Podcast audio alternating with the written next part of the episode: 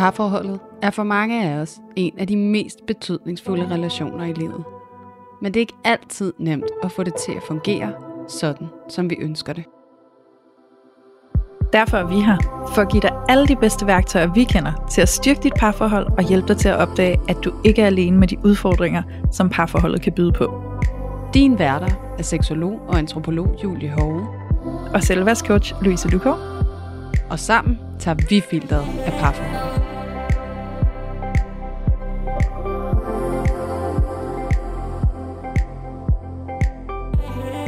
Hej alle sammen, og hjerteligt velkommen til Parforhold Uden Filter. I dag er det altså en ganske særlig dag, fordi vi er ikke kun to i studiet, vi er faktisk fire. Og det er vi, fordi vi har inviteret nogle utrolig spændende gæster med i vores podcast i dag. Og det har vi, fordi at Louise og jeg på mange måder har I nok allerede erfaret. Vi er kæmpe nørder, og særligt parforholdsnørder.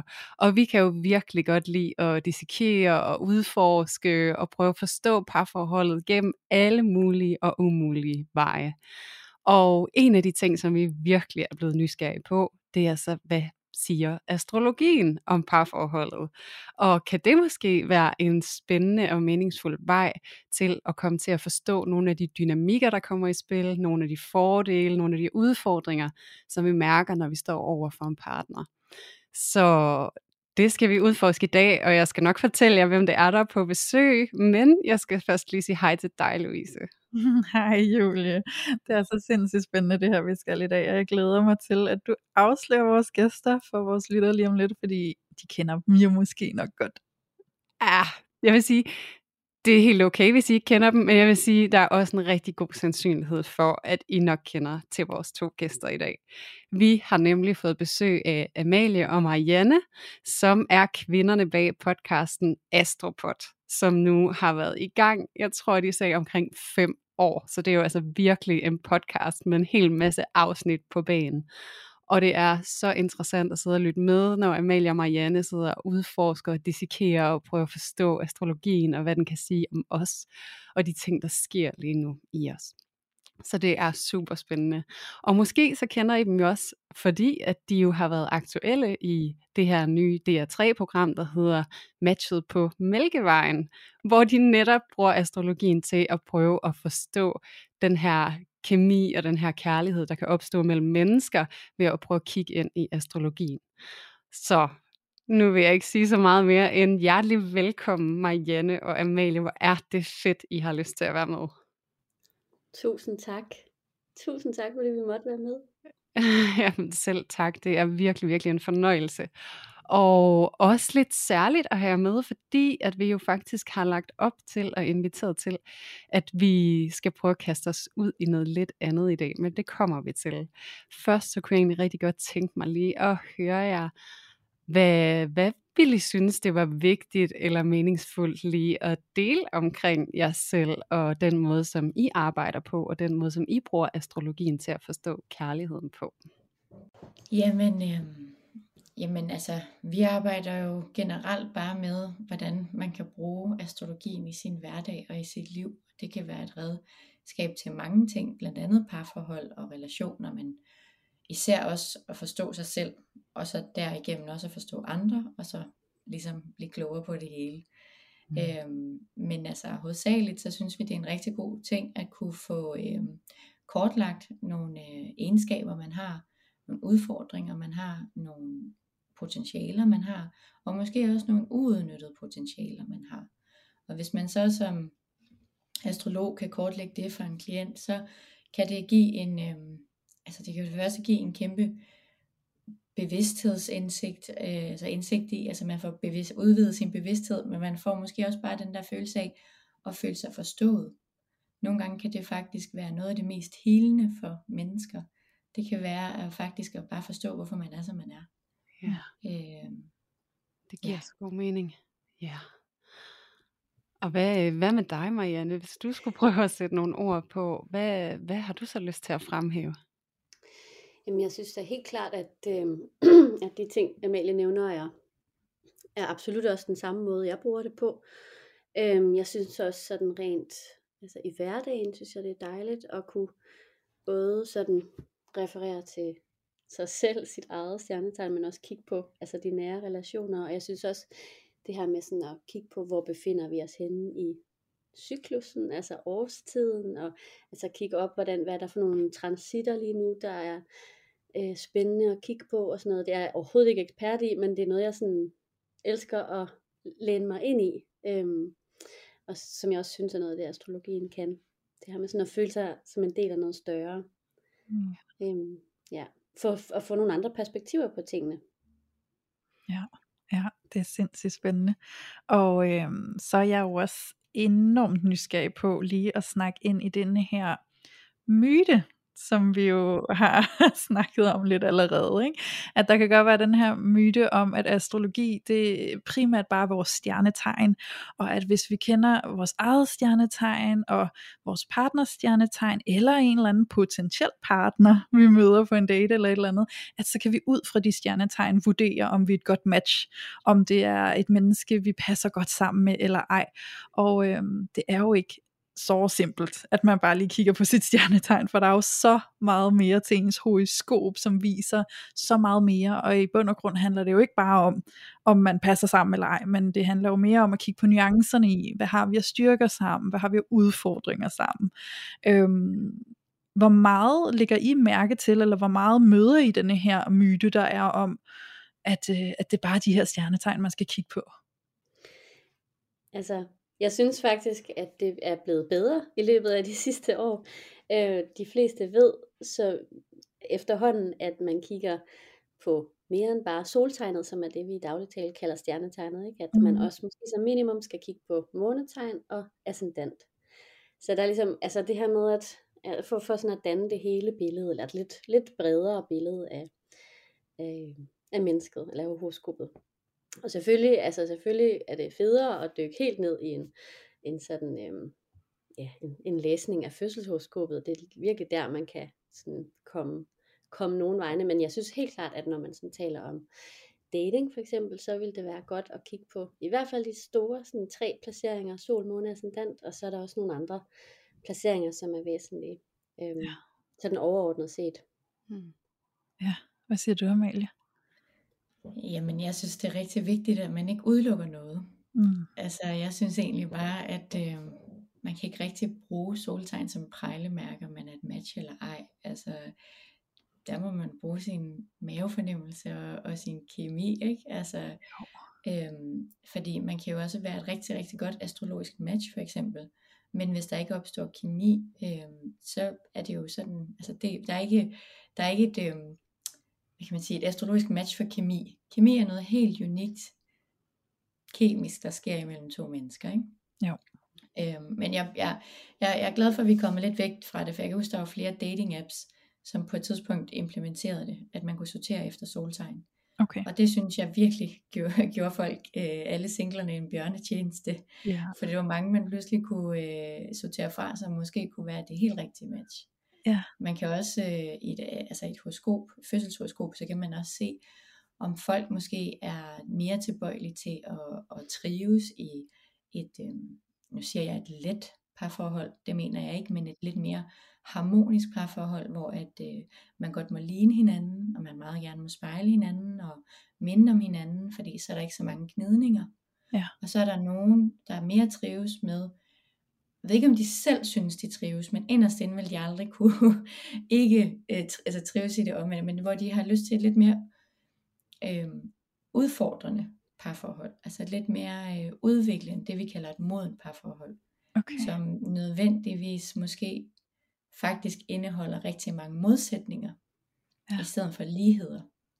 Og i modsætningerne er der jo det største potentiale for udvikling, end i lighederne. Mm. Og, øh, og det kan man simpelthen se, hvad man trives ved. Så kan det godt være, at man sidder derhjemme og brokker sig til sin veninde, og åh, hvorfor fanden kan vi ikke bare lide de samme serier, og hvorfor er det, at øh, jeg elsker sol, og han vil bare på skiferie, altså sådan, sådan nogle ting. Men, men måske er man inderst inde et menneske, der trives, altså egentlig kun kan finde en partner og, og holde kemien i så lang tid, hvis det er et enormt udviklende forhold. Ej, det synes jeg er spændende. Det kan jeg se, du også synes, Julie, fordi vi har jo tit siddet og snakket om det der med parforhold, hvor at man keder sig, fordi der ikke er nok af den her sådan, går så en modstand, ikke? Altså, som vi også kunne kalde udfordringer eller forskelligheder, ikke? der skaber noget spil, øhm, og hvad der kan ligge bag det. Ikke? Så det er jo vildt spændende også lige at få det her astrologiske blik på, at det kan faktisk også være der, det opstår, at man har det sådan, at man måske kommer til at kede sig lidt, hvis det glider lidt for let, ikke? Og Mm. lidt for harmonisk. Så det var da vildt spændende lige at få den krølle med, synes jeg. Helt enig. Jeg synes, det er så spændende allerede. Jeg sidder sådan, "Åh, det er så interessant.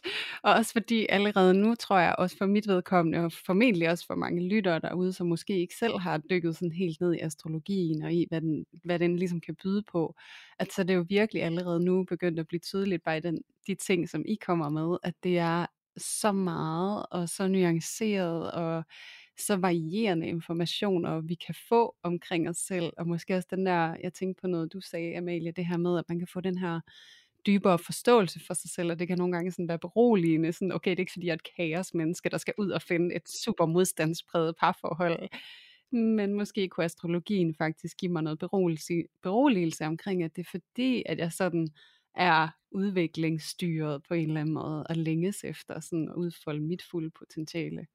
Det synes jeg er jo virkelig en interessant vinkel på det aspekt. Og så også fordi, at og så har jeg også lyst til lige at gribe tilbage i det der med den der myte omkring astrologi, og at man kan matche på apps ud fra stjernetegn. Og altså jeg kan huske i sin tid, da jeg blev kæreste med min nuværende kæreste, der havde jeg faktisk i en rum tid en frustration over, at han var jomfru, og jeg er fisk. Fordi alle steder står der i et astrologisk øh, øh, modsætninger. Så tænker jeg sådan, det kommer jo aldrig til at gå så. sådan, og det er jo bare der, hvor det netop er så fint, at vi kan nuancere det. Altså, at, det sådan, at jeg ikke skal afskrive ham og vores relation, og det jeg selv mærker, fordi astrologien, den umiddelbart kan komme til at indikere noget andet, fordi jeg ikke læser den i dybden, ikke? Ja, ja præcis. Jeg vil faktisk sige, at til det, øh, Julia, vi kommer også ind på jer senere, men jeg vil bare lige sige til det der med at have øh, altså sit modstående tegn, det der står på den anden side af cirklen, som jomfru og fisk er, det ser vi faktisk rigtig tit i forhold. Øh, altså både det og nabotegn. Fordi det er også, øh, og hvis ikke det er soltegnet, så er det måske en modstående ascendant eller sådan noget. Fordi der er jo det her med, at man faktisk også bliver meget, meget tiltrukket af det modstående tegn. Selvom at, øh, at, at man er forskellige, så har man stadig ens kvalitet til fælles. Det vil sige, at man begge to er begge to fleksible øh, i kvalitet.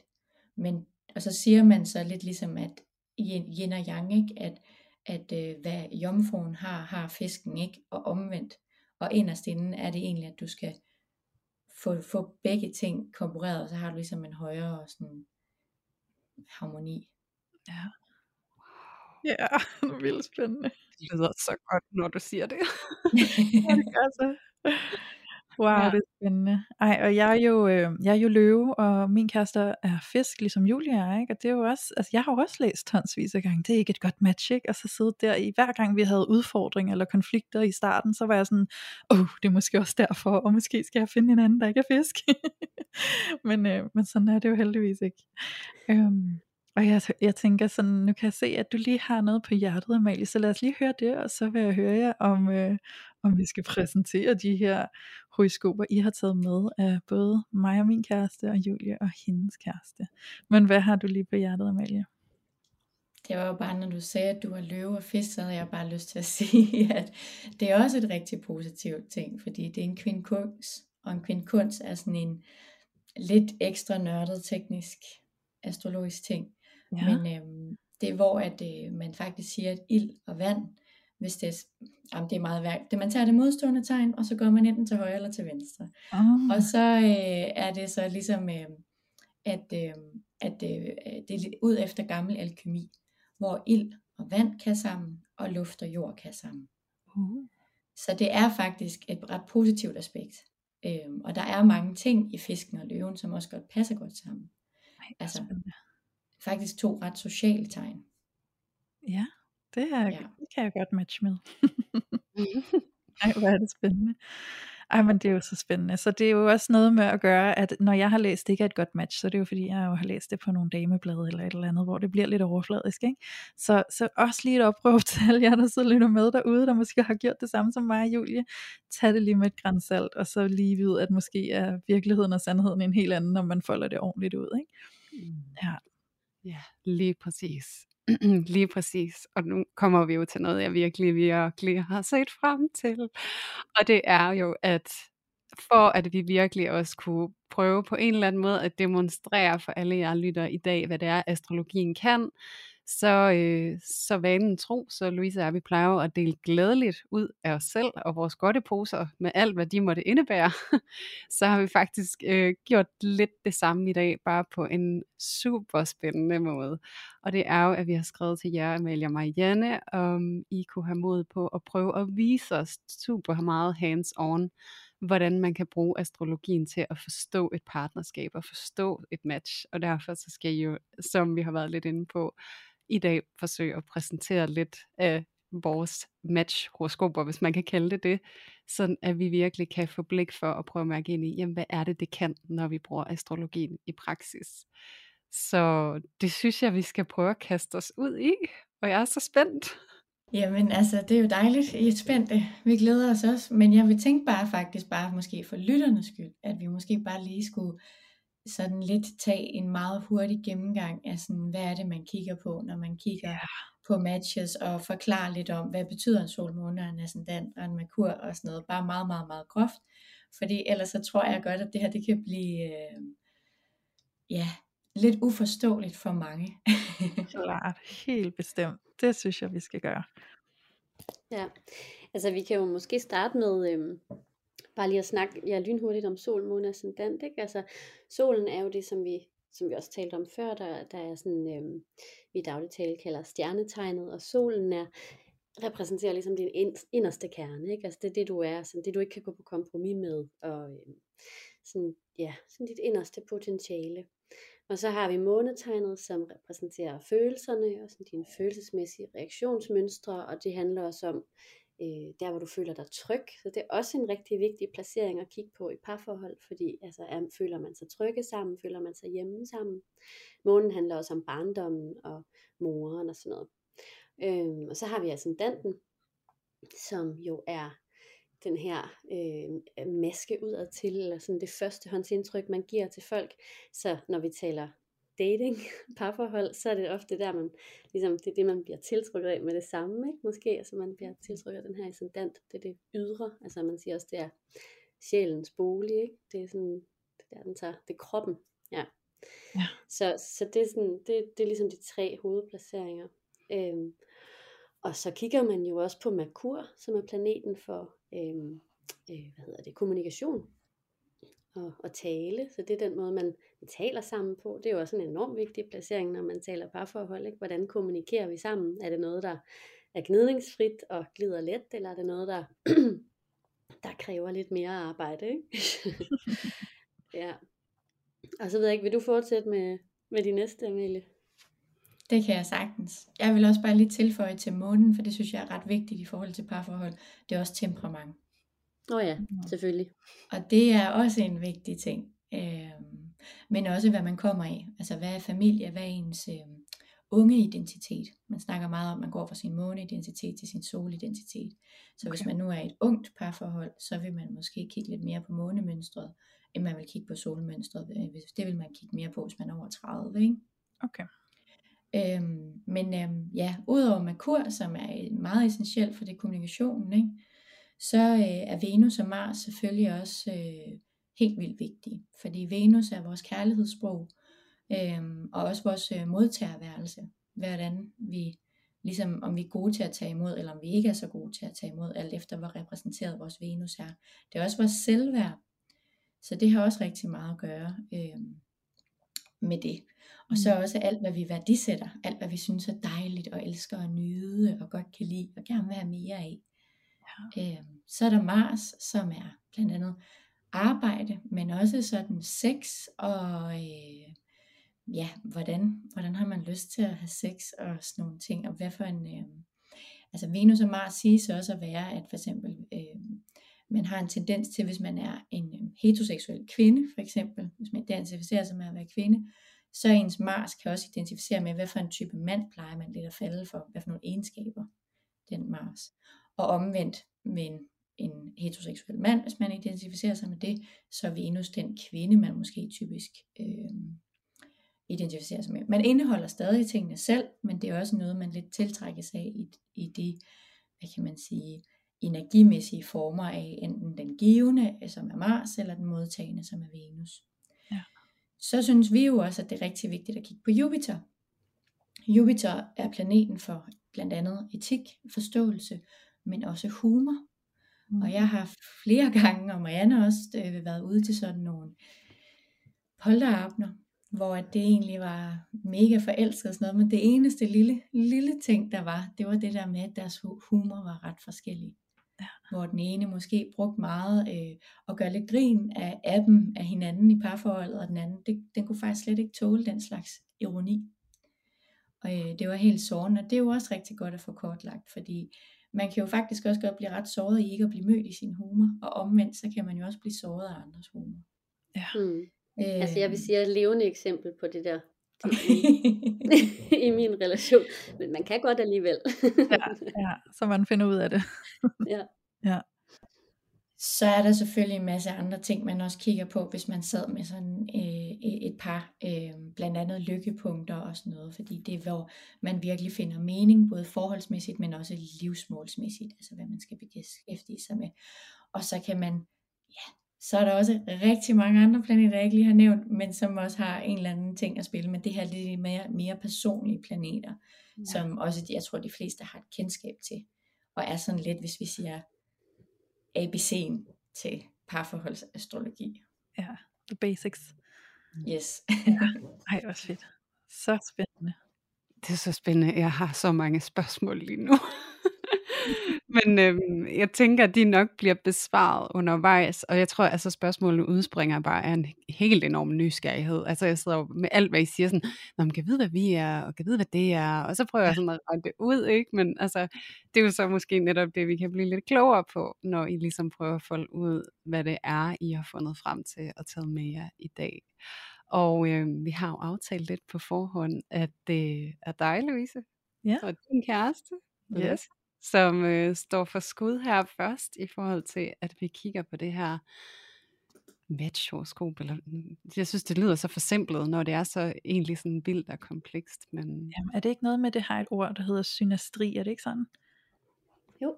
Ja, når man er matcher et par i horoskoper. Ja, Mm. super spændende. Men øh, skal vi så ikke bare gøre det? Det kan du tro. Louise, lad os starte med dig og, og Lasse. Altså ja. øhm, det første, som sådan, kan man sige, falder mig i øjnene og Marianne i øjnene, det er, at øhm, der er flere af sådan nogle, øhm, hvad hedder det, øhm, ting, hvor I er lidt omvendt, hvis man kan sige det sådan. Mm. Øhm, hvor at øh, du har for eksempel øh, øh, månen i et ildtegn i skytten, og øh, han har månen i en jomfru.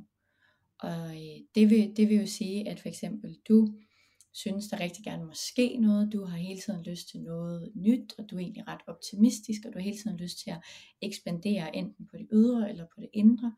Du er også nok lidt tålmodig, og du er også karakteristisk sådan en, der en gang imellem kan fare hurtigt op, og så rigtig tilgive rigtig, rigtig hurtigt. Ja. Hvor at øh, Lasses måne står i jomfruen, og det vil sige, at han har en ekstrem behov for orden. Øh, oftest en orden, han selv har fundet. Det er ikke nødvendigvis et lighed med system. Noget andre kan tilgå, men han har en eller anden form for orden. Ja. Øh, så øh, øh, er han også, altså sådan, hvis han for eksempel følelsesmæssigt er utilpas, så kunne jeg jo godt forestille mig, at han faktisk godt kunne øh, blive sådan følelsesmæssigt tryg ved faktisk bare at arbejde, altså få noget for hånden, gøre noget. Mm. Altså på en eller anden måde øh, finde en ro i det. Ja. Øhm, han er også øh, måske øh, mere et behov for at lade op øh, sådan alene eller derhjemme, hvor du lader meget op ude, tror jeg. Mm. Øh, og øh, så er han nok også sin egen værste kritiker. Ja. øhm, så derfor kan han måske også godt nogle gange blive lidt såret, hvis andre er ham kritisk, fordi at han føler virkelig, at han har sørget for os selv at kigge det hele, dissekere det hele.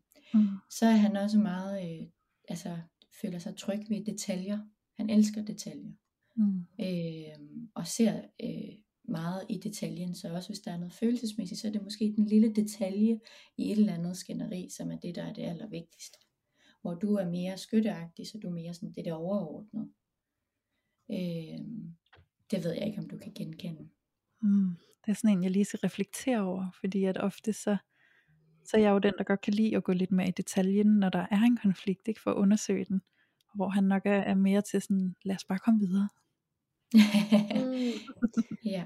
Okay. Men det er nok også det der med, altså det kan jo også godt være skytte, skyttemånen, den vil også rigtig gerne, øhm, hvad hedder det, finde ud af tingene. Altså den, den går sådan, den har sådan en direkte tilgang, sådan, du kan ikke slippe her, nu går vi lige, nu er det det her, vi gør, ikke? Jo. Hvor jomfrumånen faktisk er mere, øhm, altså holder lidt mere på sig selv, eller sådan der, det her, det er lidt mere indadvendt. Ja. Og det er ikke nødvendigvis noget, han har lyst til at dele med dig, Ja. eller lige få afsløret. Altså sådan, jeg forstår du, hvad jeg mener? Ja, men Ja. det, det er meget rigtigt, ja. Mm. Resonerer. Til gengæld vil jeg sige, at, at du har jo så, altså det, det kommer vi måske også til, men du har jo også en jomfru ascendant, Mm. Louise. Ja. Og den, den genkender jo Lasses måne i jomfruen. Altså, så der er jo noget genkendelse der. Så I er jo ikke fuldstændig fremmede for hinanden. Det er jo ikke fordi, I gør tingene på vidt forskellige måder. Det er bare forskellige steder, I måske genkender hinanden der, ikke? Jo. Øhm, ja. Ja, faktisk gør det, at du har en jomfru ascendant, at han faktisk føler sig meget tryg ved sådan øh, førstehåndsmødet af dig og dit indtryk, og når du også øh, er sådan out and about og førstehåndsindtrykket med andre, fordi så er du netop også detaljeorienteret og går op i de der jomfru-ting, som er, at du også er analyserende og som du selv siger, dissekerende. og også en, en, jeg også kender den her lidt pedantiske, øh, kritiske side, som han også godt kan have, men som Mm. Gangtrisse også øh, udmønter sig hos dig på en eller anden måde. Øhm, til gengæld er der det temperamentsmæssigt, der tror jeg måske, du er lidt mere tilbøjelig til at, at fare op, og så hurtigt ned igen, hvor jeg tror, at han er sådan lidt mere, fordi han har en, en, en jordmåne, sådan en, der måske godt kan fejre det lige under gulvtæppet og vente til et andet tidspunkt, der er lidt mere passende. Men Ja. det ved jeg ikke, altså, det, det er i hvert fald det, som hans, hans øh, horoskop vil sige, ikke? Jo, helt sikkert. Det, det synes jeg også resonerer. Til gengæld, når man sådan møder ham, så virker han jo rigtig, rigtig øh, udadvendt og social og snakkende, for han har jo en øh, vægteascendant. Og han er også meget velplejet, har jeg en eller anden idé om. 100 procent. Ja. og også nok en kende forfængelig. Ja. Øhm, og går op i, hvad tøj han har på og sådan noget. Yes. Ikke? Øh, det er meget klassisk vægteascendant. Øhm, men det kan en jomfruascendant, det sætter den også pris på. Den kan godt lide, at der er blevet tænkt over detaljen, og alt er nydeligt og pænt, og kroppen bliver plejet og sådan noget. Ja. Så det tænker jeg, at du bare synes er dejligt. ja, det gør jeg. Øhm, Jeg er nødt til at sige, hvor er det vildt. Ja, det er Jeg så bare og smiler over hele hovedet og bliver sådan, ej, ej, hold nu op. I kender jo ikke Lasse. I skal jo ikke snakke. altså, det er så vildt, altså, fordi det bare, altså, wow. Altså, Ja. ja. ja, virkelig spot on. så, så har du jo en løvesol, øh, Mhm. Louise. Og det er jo en, der godt kan lide at fylde. Og Ja. den er dejlig. Og den matcher jo rigtig godt med hans vægteascendant. Okay. Fordi han er god til at komplementere og øh, snakke og også sådan lidt eventyrlig på den måde. Og så din løveascendant, den lapper det i sig. Du kan godt lide medvind i manken og at man godt må kigge på dig og værdsætte dig. Det tror jeg egentlig en vigtig ascendant er rigtig, rigtig god til. Ja. Øhm, hans sol, den er jo så i fiskene. Og det er jo også en, som er sådan meget empatisk, mærker andres smerte, og også er sådan en, øh, der er yderst social, og, øh, og også sådan en, der, der er jo faktisk inderst inde er ret følsom, men den kan også nogle gange have sådan lidt en tens, tendens til og eskapisme, altså sådan øh, ikke lige kunne overskue øh, hvis den er noget, den ikke kan overskue, så er den lidt lyst til sådan at forsvinde, og så forsvinder den måske bare lidt i tankerne, eller et eller andet, altså sådan, hvor man godt lige kan føle, at nu er du ikke helt fysisk til stede. Mm. Men jeg vil så sige, når han har den her jomfrumåne, så hiver det lidt i den anden, fordi det er en modsatrettet, ikke? Det er jo den her meget jordnære, meget ordentlige, meget sådan konkrete øh, tegn i stedet for. Så der har han jo også et eller andet, øh, han går og balancerer, som jeg tænker er egentlig er en meget fin harmoni, men som måske nogle gange godt kan føles lidt modsatrettet inde i ham. Ja. At på den ene måde, så har man lyst til at være et kæmpe rodehoved, og på den anden måde, så trives man bedst med orden, ikke? Jo, jo. Ja, det tror jeg er meget rigtigt. Øhm, så har I, øh, jamen så har I jo, som vi snakkede om, den her kvindkunst, så det vil jo sige, at jeres soltegn egentlig passer dejligt sammen. I har også det her med, at I jo sådan passer på kryds og tværs. Altså for eksempel, at han har jomfru i månen, og du har jomfru i ascendanten, så der er noget genkendelighed hos hinanden. Ikke? Mm. Og du har descendanten i, øh, hvad hedder det, fiskene, det vil sige, din Dylan McKay, det er jo faktisk Lasse, når han er i sin sol. Fordi alt det her lidt fisket, er du faktisk ret tiltrukket af. Okay. Øh, ube, ubevidst, ikke? Ja, ubevidst. Det er, Ja, din, det, er din tall, det er din tall dark stranger, ikke? Ah. Ej, jeg, jeg, jeg, jeg vinkede bare sådan lidt tættere og det er fordi, vi kan se hinanden. Det kan I jo ikke, I kan jo ikke høre, at vi kan se hinanden. Men det er også fordi, at jeg jo er fisk. Ja. Så jeg fik lige lyst til sådan lige at lave en lille anerkendelse til dig, Louise, at, Ja. at jeg ser, at du synes, at jeg er spændende. Det gør jeg helt bestemt, Julie. Jeg kan godt være din tall dark stranger. Ja, jeg. det må du gerne være. ja. Så har I jo øh, Merkur, som er kommunikationen. Det har I i et, øh, han har i lufttegn vandbæren, og du har i ildtegnet løve. Mm-hmm. Og det er jo modsat, men på en eller anden måde, så passer det også godt sammen. Altså sådan, I, jeg kunne forestille mig, I godt kan lide begge to lidt at måske at have, have ret. Det ved jeg ikke, om er rigtigt. Oh, det, det tror jeg nu nok, vi har kæmpet lidt med. ja, men altså, øh, hans er måske, øh, hvad kan man sige det?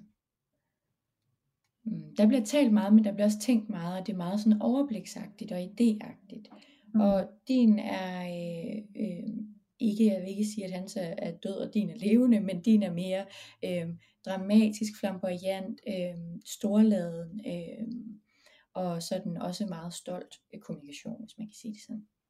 100 procent. Øhm, nu sagde jeg jo så faktisk til, til dig, at, øh, at øh,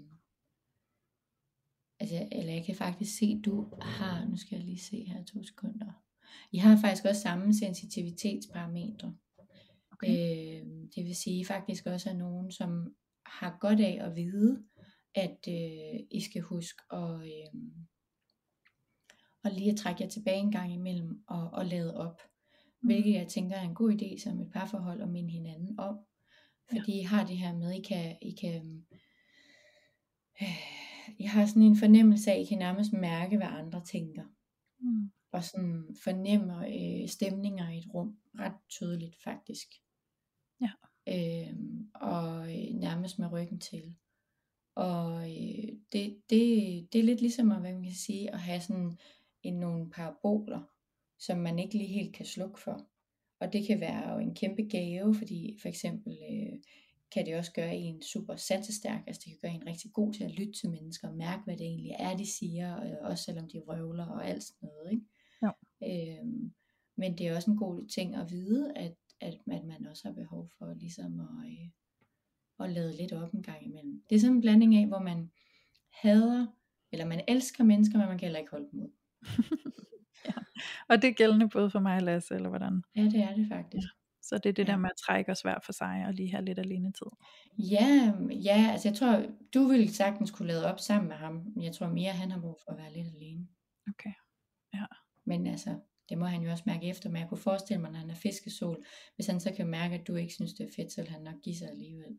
Ja, det kunne han godt finde på. Og jeg kan egentlig også Ja. mærke, at nogle gange så har jeg brug for at lade op alene, fordi han er også meget et snakkesjatol. ja, det er han. Solfisk og vægt sådan den, det er et sludderchatol. ja. Præcis. Ja. Ja, er der noget, du vil tilføje? Jo, så var der humor. Den sad jeg lige og tænkte på. Den, den virker rigtig dejlig. Det gør Altså, der, er- der, der er I egentlig meget på bølgelængde. Fisk og tyr, det er nærmest sådan... Oh, øh, øh, er det, nå undskyld, er det fordi, at jeg står i tyr med min humor, eller hvordan? Øh, du står faktisk i fisk med din humor. Nå, og han står i tyr. Ja. Nå, hvor sjovt, okay. Ja, øh, det, det er lidt ligesom øh, pølse og ketchup. Det smager godt sammen.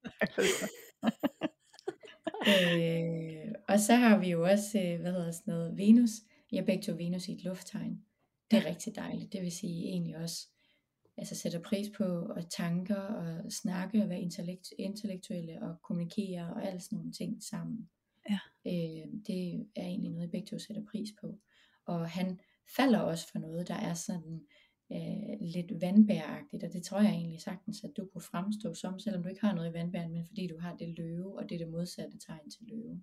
Okay. Øhm, og så er der Sexy Times. Mhm. Det fungerer sgu også meget godt. Der er noget i, i stenbukken hos dig, Louise, og Ja. noget i tyren hos ham. Så øhm, ja, det, øhm, det, det, det handler både om, at øh, I er nogle hårdt arbejdende mennesker, der når jeres ting, og godt kan lide at nå de der resultater, I sætter jer for, og praktiske og alt sådan noget, men det er også noget at gøre med, at øh, jeg kunne forestille mig, at I er gode til at være kropslige sammen øh, i sengen. Altså jeg godt kan lide at give hinanden kærlighed og sex med enormt meget sådan fysisk Mm. øh, kærlighed. Mm.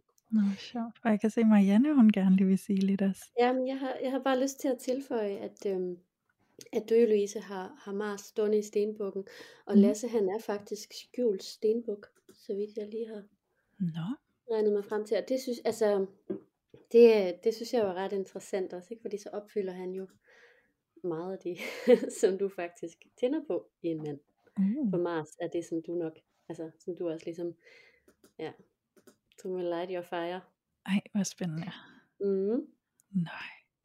Ej, jeg synes, det er så spændende. Jeg sidder bare, altså jeg tager mig selv i bare at sidde og blive så tavs, fordi jeg bare sådan lapper det hele i mig. Jeg var sådan, gud, hvordan kan man sige så? Nej, ej, gud, hvor er det egentlig? Ej, det kan jeg genkende, eller? Ja, præcis. Det er så sjovt. Jamen, også det der med den der, med hvor god du er til at registrere mennesker, og det der med, at det kan godt være, at man vrøvler lidt og sådan noget, men du fanger bare, hvad det er, man mener, og det kan jeg jo genkende, fordi det skal jo ikke være nogen hemmelighed, at udover at vi laver podcast, så er det jo virkelig også en tæt veninde, og jeg bruger dig rigtig meget, når jeg selv altså vrøvler helt vildt, og der sker rigtig meget på indersiden, og du er bare virkelig god til sådan at skære ind til benet, og sådan virkelig sådan få udkrystalliseret, hvad det faktisk er, jeg siger. Ja. Så det, det genkender jeg bare så meget. Sådan det, der har du virkelig sådan en super evne. Og så er det så sjovt at få det hørt. Og Ja. så helt eksternt, ikke? Altså, ja. Og tusind tak, Julie, for de søde ord. Velbekomme. Nej, men det var godt nok også spændende at holde det op, hvor er det præcist og spot on. Så øh, altså, som I siger, det er jo helende og beroligende og meget bekræftende at blive set og blive forklaret i de ting, som, som der nu engang er, ikke? Ja, helt vildt. Ja. Så, øhm, så hvis, øh, hvis alle er klar til det, så spørgsmålet, om vi skal hoppe direkte videre over til Julie og hendes partner. Lad os gøre det. Ja da. Åh, jeg er så spændt. Altså, jeg sidder og tænker, hvis jeg kan blive så begejstret over jeres horoskop, Louise, så ved jeg da slet ikke, hvordan jeg reagerer på mit eget. Det er bare så spændende jo. Jo, men jeg er så klar. Jeg er virkelig spændt på at høre, hvad det hvad I har kunne se, og hvad I har fundet ud af, og hvad vi kan, og hvad, hvordan og hvorledes. Så uh, please do tell. I'm ready. Men Julie, hvis vi, øh, hvis vi nu lige starter med dig, så har du også allerede nævnt, at du er fisk. Mm-hmm. Og, øh, og, og Jonan, din kæreste, er jomfru. Og det passer jo faktisk rigtig godt sammen, fordi som vi talte om tidligere, så er det modstående tegn. Så det er sådan, I, I kan sammen opfylde den hele cirkel. Det er ret fint faktisk. Og selvom I er fuldstændig modsatrettet, så har I også nogle ting til fælles. Altså jomfruen og fiskene har faktisk ting til fælles. I er begge to, øhm, der, der er begge to sådan meget sådan en, øhm, en hjælpsomhed. Altså både fisken er jo den store, alt overfrende hjælper, ikke? Martyren, det er jomfruen faktisk også lidt, ikke? Altså det er bare på en lidt mere, prakt, lidt mere praktisk plan. Øhm, Og øh, det synes jeg er ret fint. Mm. Og så synes jeg, altså så den her fiskesol, du har, den er jo så empatisk, og den er social og imødekommende, og, øh, og kreativ og sensitiv også. Det er sådan en, en meget dyb sensitivitet, du har. Øhm, og, og så siger man jo også sådan overordnet set, altså det her med jord og vand passer rigtig godt sammen. Fisken er et vandtegn, og jo, øh, hvad hedder det, jomfruen er et jordtegn. Og, og når man vander jorden, så, mm. så vokser der ting op. Så helt sådan grundlæggende, så passer jeres sole faktisk rigtig, rigtig godt sammen. Og så kan man gå videre og kigge på jeres månetegn, som øhm, øh, din måne, Julia, den står i øh, skytten, så det er et ildtegn, og, øh, og Jonas måne står i tvillingen. Og der kan man sige, at ild og luft, det passer også rigtig godt sammen. Det er begge to sådan udadvendte og sociale, og øh, nogen, der godt kan lide at, at snakke og, og være, ja, sådan, være ude blandt mennesker. Ikke? Og, øhm, og, og det er sådan, det er der, I føler jer trygge. Så det vil også, altså det passer også ret godt sammen. Selvom det ikke er det samme tegn, ikke? Altså, så vil I helt sikkert sådan føle jer trygge begge to i hinanden, sådan, jamen, den her sådan meget, mm, hvad skal man sige, altså tv- tvillingen er jo sådan et virkelig, så, som er, hvad hedder det, Jonas måne, det er den her meget sådan øh, snakkende, gestikulerende, kommunikative, altså en, der godt kan lide at t- sætte ord på sine følelser, tale om sine følelser. Og, øh, og skytten, som er din måne, det er også, altså den elsker også at, at tale om tingene, og vil gerne sådan have det store overblik, og gå direkte til sagen, ikke? Altså, så der, der er virkelig også noget genkendelse der. Det er helt rigtigt, og, men altså, de er jo også modstående tegn, så der kan godt være en forskel i det. Altså, det kan både være sådan, at, at, at sammen er I stærkere, men der kan også nogle gange måske være den der følelse af, at du er sådan, måske har lyst til at gå lidt mere i dybden på en eller anden måde, øh, hvor han gerne, hvor du måske kan synes, han er lidt flygtig og lidt hurtig videre, øh, fordi at øh, skytten, som din måne står i, den er sådan lidt mere, den vil gerne vide sandheden og det helt store princip med alt i verden, og den vil sådan virkelig gerne gå i dybden, for den står for de øh, altså længere rejser, længere uddannelser, hvor tvillingen det modsatte er omvendt, det er de kortere rejser, de kortere uddannelser. Og det er ikke fordi, at tvillingen er overfladisk, som den lidt har et ry for. Det er egentlig bare fordi, den har sådan en barnlig, dejlig øh, nysgerrighed, at den føler, at hvis den går i dybden med noget, så, så går den jo glip af alt det andet. Så den vil hellere sådan lidt berøre lidt af det hele. Og der er skyttemånen lidt mere anderledes. Der er den sådan lidt mere, nej det er det her emne, jeg skal altså det her, sandheden må ligge, jeg må vide det hele, og så går jeg derhen. Og der kan I måske nogle gange konflikte lidt, hvor du kan måske synes, at han er en skøjteløber, og han kan synes, at øh, du er lidt principfast og sandhedssøgende. Ja, jeg tror, han vil måske sige sådan lidt en flueknæpper eller en navlepiller.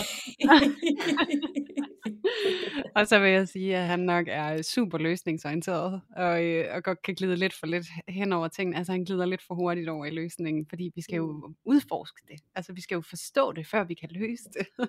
så det genkender jeg det helt vildt, at der kan vi godt nogle gange lige skulle trække vejret begge to, og så, og så prøve at mødes igen. Det kunne også godt have noget at gøre med faktisk jeres Jupiter, ikke? fordi din forståelse, det er jomfruen, det er enormt detaljeorienteret og enormt analyserende. Og der skal virkelig være orden, og alt skal have sin plads og sådan noget. Hvor hans så vædderen, den er sådan lidt mere hurtig, overbliksagtig, og det måtte egentlig godt have været i går. det giver super meget mening. Ja, det kan godt være, det er lidt også af det. Ja de kan i hvert fald, de supplerer lidt hinanden, men det betyder ikke, at det er dårligt, det skal du virkelig vide. Altså nogle gange, så kan jeg jo godt sidde med sådan en oplevelse af, at jeg ville måske have godt af, og så lære lidt af det, han gør. Altså i stedet for, at det behøver at fylde så meget, men det der med måske bare lave sådan en bouillon-terning, altså sådan at trække essensen ud, men at vi ikke behøver at kortlægge det hele. Så sådan, det er jo også, hvordan man forestiller jeg mig, hvordan man vælger også at se på den anderledeshed, der er over hos den anden. Jamen det er helt rigtigt. Altså det er jo lige præcis det, vi snakker om, når man passer godt med sit modstående tegn. Det er jo netop, hvis, hvis altså det bedste i verden vil være, hvis man kunne mødes lidt mere på midten. Så for eksempel, at tvillingen kunne låne lidt af skyttens sådan lidt mere dybdesøgende, dybdegående, udvidende i et område, et felt.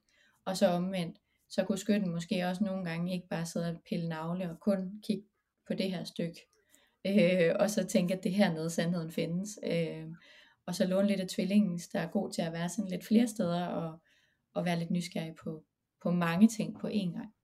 Mm. Ja, den tager jeg helt sikkert til, til efterretning. ja. Og så kan det være, at jeg blev sådan lidt sådan, men ascendanten, er det månetegnet? Nu sidder jeg sådan lidt undervejs og tænker, hvad hvad egentlig? Nej, der bliver rystet på hovedet. Så hvad er vores altså, ascendanter? Jamen ascendanten er jo, er jo jeres førstehåndsindtryk, eller det er sådan ligesom det, den ydre maske. Og der står din ascendant, den står i stenbukkens tegn. Og Jonans ascendant står i skorpionens tegn. Så der har vi faktisk igen øh, jord og, og vand. Skorpionen er et vandtegn, og stenbukken er et jordtegn. Øh, så det passer også rigtig godt sammen. Øh, der er også noget, hvor I kan føle genkendelse i sådan, altså jeg vil sige, der, der er flere forskellige ting, hvor jeres ascendanter altså genkender hinanden. Altså der er sådan en, altså stenbukken er jo sådan det her meget øh, ordentlige, disciplineret og sådan målrettet øh, tegn. Og skorpionen er også, har også det her sådan kæmpe drive for sådan ligesom at få gjort ting og har sådan en, der, der er sådan en kæmpe kraft. Så, så det synes jeg helt klart, øh, der er nogle, der er nogle øh, ligheder der. Og så det, at han har den her skorpion ascendant, og du så har en fiskesol, det passer også rigtig godt sammen, fordi I er, altså det er to vandtegn, så der er følelserne på spil, ikke? I, I er sådan til, altså I til, I til de dybe følelser, især skorpionen, ikke? den vil jeg gerne til bunds i tingene også, altså den, mm. øhm, den vil gerne udforske også de sådan lidt grimmere sider af tilværelsen, er ikke bange for det, og, øh, og, og fisken kender jo til alle, kan jo mærke alle folks lidelser, så der er sådan en, ligesom, der er sådan en, en rigtig fin samhørighed der faktisk, genkendelse, vil jeg sige. Mm. Ej, hvor spændende. Og jeg kan genkende det også. mm. mm. Ja. Øhm, og så en anden ting, jeg, jeg lagde mærke til, det var, at de faktisk også begge to er skjulte jomfruer.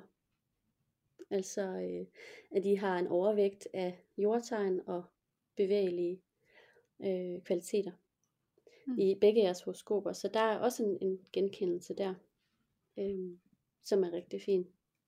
Altså I har ligesom sådan nogle af de samme ja, kvaliteter. Ej, det giver mening. Mm. Ja, og fordi det der med, at, sådan, at jeg havde det der udgangspunkt med, er vi astrologiske modsætninger? Mm. mm. Og så noget af det, vi alligevel sådan, altså fandt hinanden på ret tidligt, det, det der med, at vi følte, at vi var, vi var sgu så ens på en eller anden måde. Altså det var så nemt at være sammen, fordi der var så mange ting, som ikke behøvede at være udtalt, men som vi bare tappede ind i helt naturligt, begge to. Ja. Så derfor så, ja. så giver det mening, når du siger det sådan, nå, jamen, så lander mm. det jo. Altså, så er det jo derfor. Ja. Ja, og det er jo også derfor, det er sådan, det er jo bare et, et rigtig tydeligt eksempel på, at, at vi er mere end vores soltegn, eller det kræver mere. Ja. Og sådan ligesom kigge på, på flere parametre, når vi kigger på parforhold, ikke? Ja, lige. Ja, og så er det også en rigtig vigtig ting for jer, for jer begge to, for eksempel, at kunne grine af tingene. Mm. Altså, øh, det er en stor del af jer begge to. Det er jo en dejlig ting at have til fælles. Mm. Have en eller anden form for lethed og optimisme, også når det hele er noget værd lort, så kan man grine lidt af det, og humor er en vigtig del af følelseslivet. Ikke? Ja. Øhm, det tænker jeg er en rigtig dejlig ting. Øhm, og så øh, skal jeg bare lige se her. Jo, du har i vandbæren, ikke? Jo, det har du. Øh, så øh, hans øh, Venus er jo øh, i jomfruen. Så øh, altså, at du er skjult jomfru, det øh, tiltaler jo også rigtig meget ham, når han skal falde for sådan en som dig. Øh, og det er jo også en dejlig, dejlig ting, som også kan gøre, at I måske også har været mere sådan tilbøjelige til at falde for hinanden. Ikke? Øh, mm. Og øh, din Mars, den er i vandbæren. Og det vil jo sige, at når han er sådan rigtig meget den her, øh, han har jo flere af de her luftplaceringer, ikke? Mm. Øh, så øh, når han snakker, eller når han viser sine følelser og sådan noget, så er han jo meget sådan udadvendt og tænkende og nysgerrig og idérig og alt det her. Det er jo også noget, du synes er vildt spændende og intellektuelt og alle de her ting. Mm. Det er også noget, der tiltrækker din Mars. Ja. Det kan jeg også genkende. ja.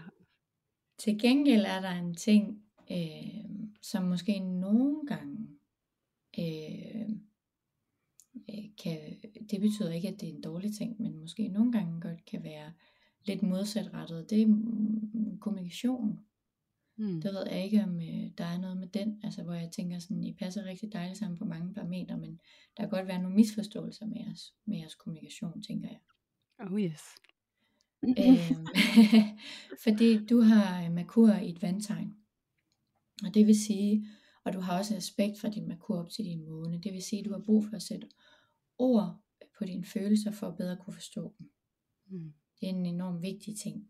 Det aspekt har han ikke, men øh, til gengæld så har han jo som Merkur i vægten, så jeg kunne forestille mig over i 10. hus, at han faktisk sætter mange ord på alt. Han er gang også er lidt en, der sluder. Mm.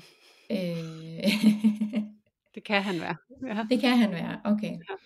Ja. Øhm, men hvad hedder det, men hvad hedder sådan noget, øh, hans er måske sådan lidt mere, hvor du nogle gange godt kan føle, at det er sådan lidt mere, øh, det er overordnet, at han sådan overblikket, altså sådan, det han, altså sådan, han snakker, så det er meget sådan med hovedet, og det er sådan lidt et overblik af det, og sådan tankerne og sådan noget. Og hvor dit er enormt sådan emotionelt og med følelser. Mm. Og der mm. kan man nogle gange godt sådan ryge lidt forbi hinanden, hvor man føler, at den ene er lidt hurtig og, og, og lidt for sådan, Nå, men det er jo bare sådan og sådan, og sådan lige ikke lade en tale færdig og sådan noget, og hvor det er enormt vigtigt for dig at få sagt præcis, hvad du mener. Og det er også på en eller anden måde, altså du lægger meget mærke til, ikke hvad folk siger, men hvad, hvad du føler. Altså hvad du føler, de siger, eller hvordan føles det i dig, når de siger noget. Og mm. det er mm. egentlig næsten den, vigt, den vigtigste ting for dig.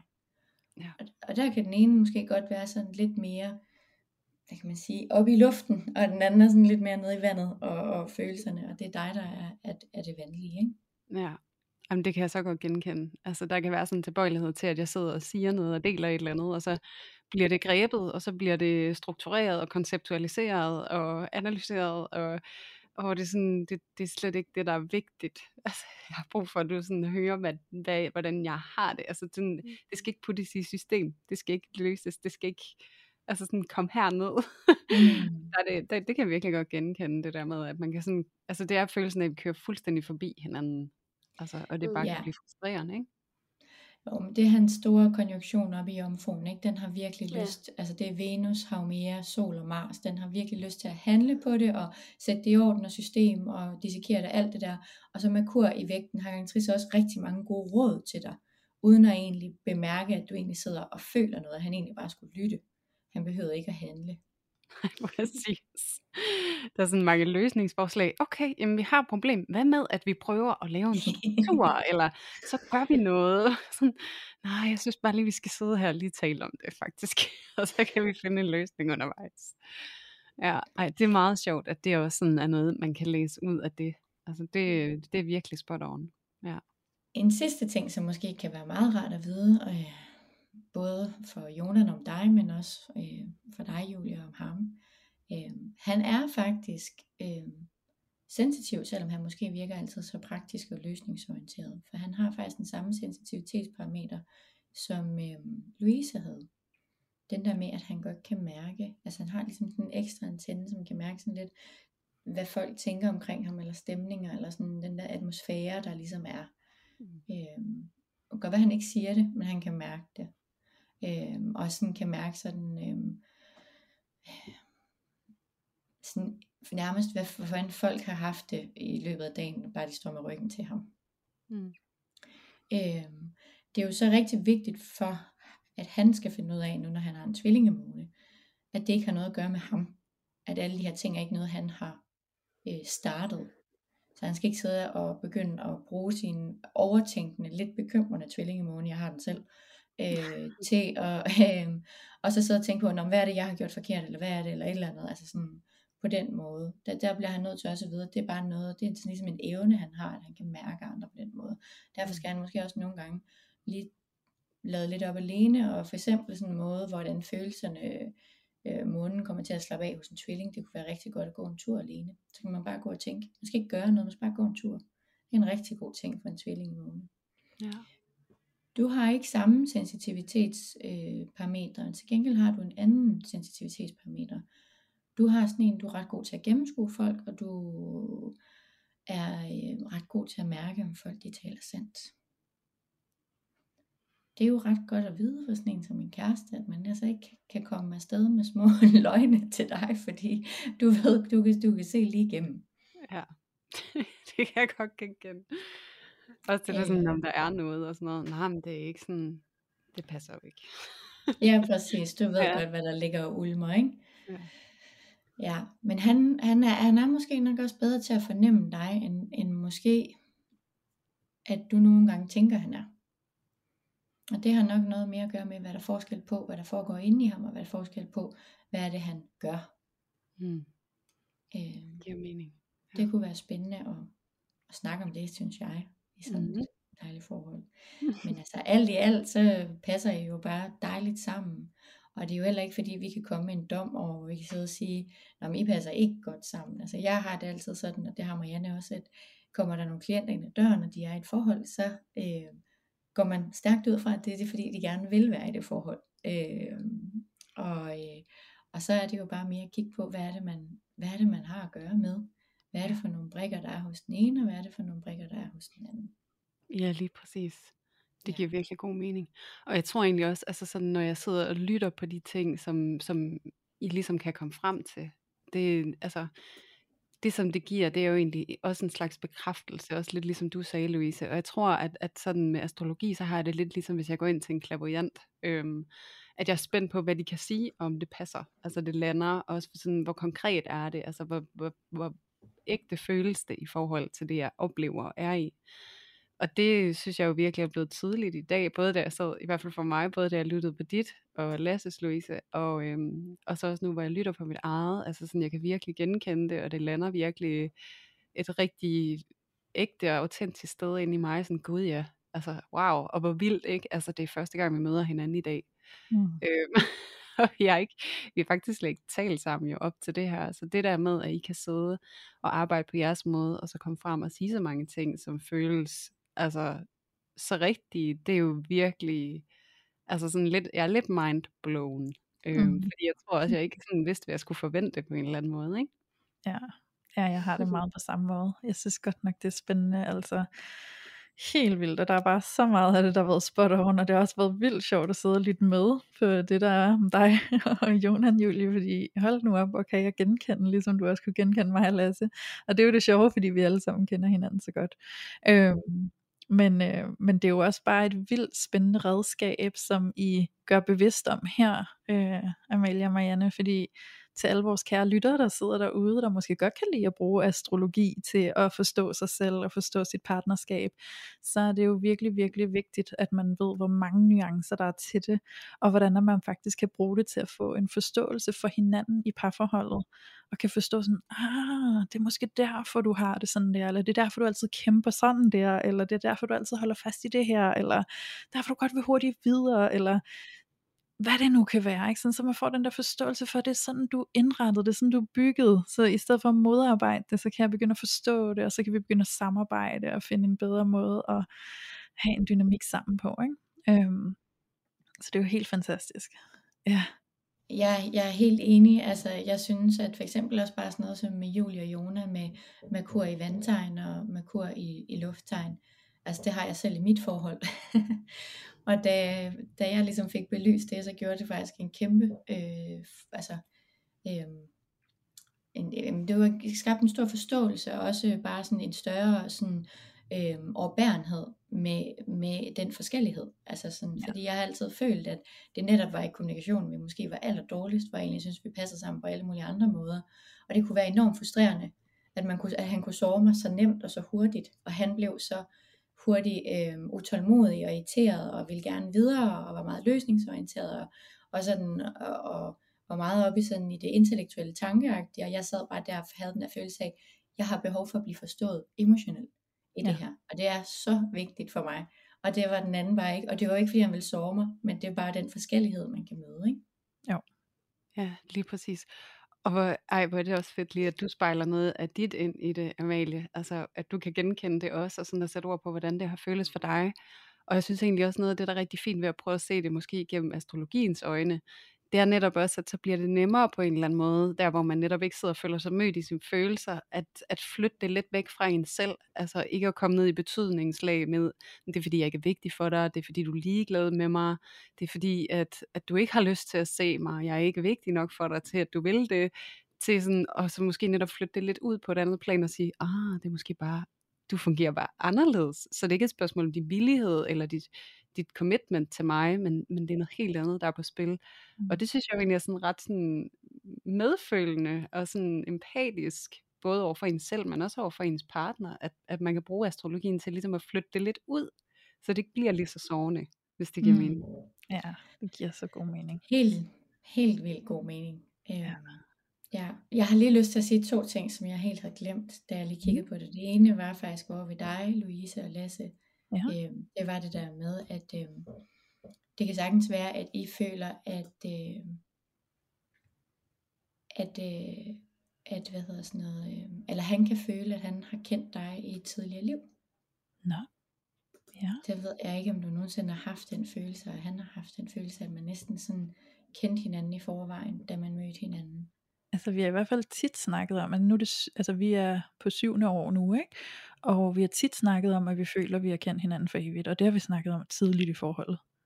Mm. Ja. Mm. Nej, hvor spændende, I på syvende år, så er I ja. jo lige taget en kvart måned runde. Okay. Det er spændende. Nå, ja, ja, det er ret, ikke noget ret spændende. Det vil sige, at det, det altså, når man går en, en kvart eller en, en halv månerunde, og så kommer øh, følelserne i, i spænding, konflikt i et parforhold. Mm. Og så er det der, man har behov for at tage et bevidstheds øh, udvidning. Man skal ligesom kigge hinanden i øjnene og ligesom sige, okay, nu vil vi gerne det her, det er det her, der har været et eller andet, men vi tager den videre derfra. Det er sådan ligesom et, et punkt, hvor man går videre. Ej, det er det, man også i daglig tale kalder syvårskrisen. Ja. ja. ja, det er meget Eller 14-årskrisen. ja, okay. Så det var syv år. Mm. Mm. Ja. Men forskellige temaer, alt efter hvor i horoskopet det er. Om det er en kvadrat eller en opposition, eller hvad det nu er. Okay. Og så har jeg lige lyst til at sige til dig, Julie, nu så jeg bare lige, at du havde lykkepunktet i 8. hus, og nu fik vi jo fortalt, at du også er uddannet seksolog, så tænkte jeg bare, at det er meget meningsfuldt for dig. For at have lykkepunktet i 8. hus, så handler det jo meget om øh, altså relationer altså til andre og andres ressourcer, men også rigtig meget sex og det dybe og transformation og det psykologiske og Altså. Det er jeg glad for. Så giver det mening, at det føles rigtigt. wow, og det er jo også bare så værdifuldt, fordi Julie hun deler jo virkelig en meget transformerende historie fra hendes eget liv, der kommer ind på netop alt det, der vedrører det seksuelle, og den rejse og udvikling, der har været for hende der, og den har jo vist sig at være enormt værdifuld for alle dem, der har hørt den, så øh, det er jo sindssygt, det rammer jo bare spot on. Helt vildt. Ja. Ej, så bliver jeg lige nysgerrig, fordi der faktisk var et punkt, du var inde på, øhm, Amalie med Louise og Lasse, som du ikke kom ind på med mig og Jonan. Og det var det der med sexy times, og Nå. det der den seksuelle og den seksuelle kemi. Og så nu nævnte du det lige, og tænker gud, der er jeg nødt til lige at høre, om vi er på to helt forskellige planeter, eller hvordan det er. talt. ja, præcis. Ja, på en eller anden måde lidt i to forskellige planeter. Ja. Ja, Julie har både Mars og Venus i vandbæren, og Jonan har både Mars og Venus i jomfruen. Okay. Så det er jo luft og jord. Og man kan sige, der er, altså, det er jo ikke fordi I ikke passer godt sammen der, men det er ikke sådan et, det er ikke et lige så, øh, hvad skal man sige, øh, sådan tydeligt match, som over hos Louise, hvor det var jordtegn begge to, der handler det meget om fysik, og altså det praktiske, og sådan det denne jordiske og sådan noget, ikke? Hvor man kan sige, at Jonen har øh, hvad hedder det, øh, ja, Venus i jomfruen, det vil sige, altså, og, og Mars i jomfruen også, det er, det er sådan det, det jord, altså det her med sådan det fysiske og kroppen, og øh, sådan, altså det er en lidt mere praktisk tilgang til, nej, det lyder mærkeligt at sige praktisk tilgang til sex, men altså sådan, mm, hvad skal man sige, måske ikke, sådan, ikke, lige så, ikke lige så intellektuelt som over hos dig, fordi når man har når man har øh, Venus, eller Mars i, i vandbæren, ikke, så vil det også være sådan en, så er det sådan lidt mere noget, der handler om øh, det intellektuelle, eller sådan, der skal noget samtale til. Du skal ligesom være, altså for at du kan blive tændt, så skal du også være sådan intellektuelt stimuleret. Forstår du, hvad jeg mener? Ja, altså, der det skal giver sådan, mening. det er ikke bare fysik, det handler om. Øhm, så der er ligesom en, der er lidt en, en forskel der. Hvad, hvad Ja. siger du, Amalie? Ja, jeg vil bare sige, ja, for dig handler det netop om en fantasi, eller en idé, eller en nysgerrighed, eller noget I snakker om, eller noget du nærmest tænker dig til, som sådan piger dig. Øh, så er du selvfølgelig, det skal vi jo ikke glemme, fisk i soltegn, så der er jo også rigtig meget sensueller i dig. Ikke? Altså, kan jeg du kan godt hoppe sådan en lang tur ud i Marianergraven der, hvis du har lyst. Ikke? Men, men hvad der sådan lige får dig i stødet, det er måske noget, der lidt mere foregår op i dit hoved Mm. øh, mere end det er nede i din krop. Og hvor han er meget sådan, det er rigtig vigtigt for ham, at du rører ham. At du giver ham fysisk kærtegn. Det er det, der får ham i stødet. Og han vil så også være en elsker for dig, der vil være enormt detaljeorienteret. Hvor du måske sådan er lidt mere sådan overblikket. Du er sådan inde i fantasien på den her madras, og du sådan har et eller andet, der kører, og ham så er det sådan noget i detaljen, så er det, uh, det er lige den albue, eller det er lige det der, der er et eller andet, der er så sexet. Øh, og, og, og der kan man jo sige, det er ikke fordi, det ikke virker sammen. Det er bare med to forskellige øh, fortegn. Men det er en kvindkunst til hinanden. Og det vil sige, at der er en eller anden form for harmoni der. Ja. Jeg kan genkende det så meget. ja, det der med, hvor det bliver beskrevet som om for ham, så er det sådan en meget fysisk ting, og det er sådan meget drift, og det er sådan meget, det kommer fra sådan det kropslige på en eller anden måde, og for mig, så er det sådan, ja, intellektuelt, emotionelt, øh, ja, altså sådan en, en fornemmelse, og sådan, jeg er jo ikke så konkret, som han er. Altså, hvor han er sådan, det her, det kan jeg godt lide, og så spørg, efterspørger han så det samme, ikke? Altså sådan, det er slet ikke så konkret for mig.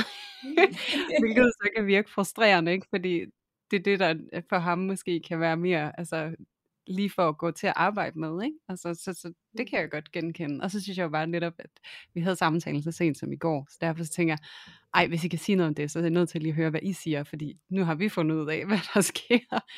og så er det jo bare så sjovt at høre, at det er sådan fuldstændig lige præcis den samtale, vi havde i går, ikke? Det er ret vildt. Og så er det jo også ret vigtigt at huske på, at det er jo også jeres kærlighedssprog. Det vil sige, at du er sådan lidt mere, altså det er sådan mere overblikket og, og talens, altså, altså, det, det, altså kommunikation og tanke og sådan noget idé, som er din måde at vise kærlighed på, hvor han til igen er i jomfruen. Så det kan være sådan noget som i den lille detalje, at sådan noget som han husker lige præcis, der er et eller andet, du godt kan lide, eller en lille bitte gave, eller et eller andet, eller en lille gestus, eller tag din opvask, eller rydde op, eller sådan noget, kan være hans måde at sige, jeg elsker dig på. Mm. Eller nus dig på den lille albue, som lige var så nice. Hvor er det sødt. Og hvordan ser det ud, hvis vi sådan skal runde af her? Kan du så sige det samme for, øh, for mig og Lasse, Amalie, med kærlighedssproget der, hvordan det egentlig ser ud? Der har I øh, begge to i lufttegn, så der er jeres kærlighedssprog faktisk det her med kommunikation og det intellektuelle, og snakke sammen.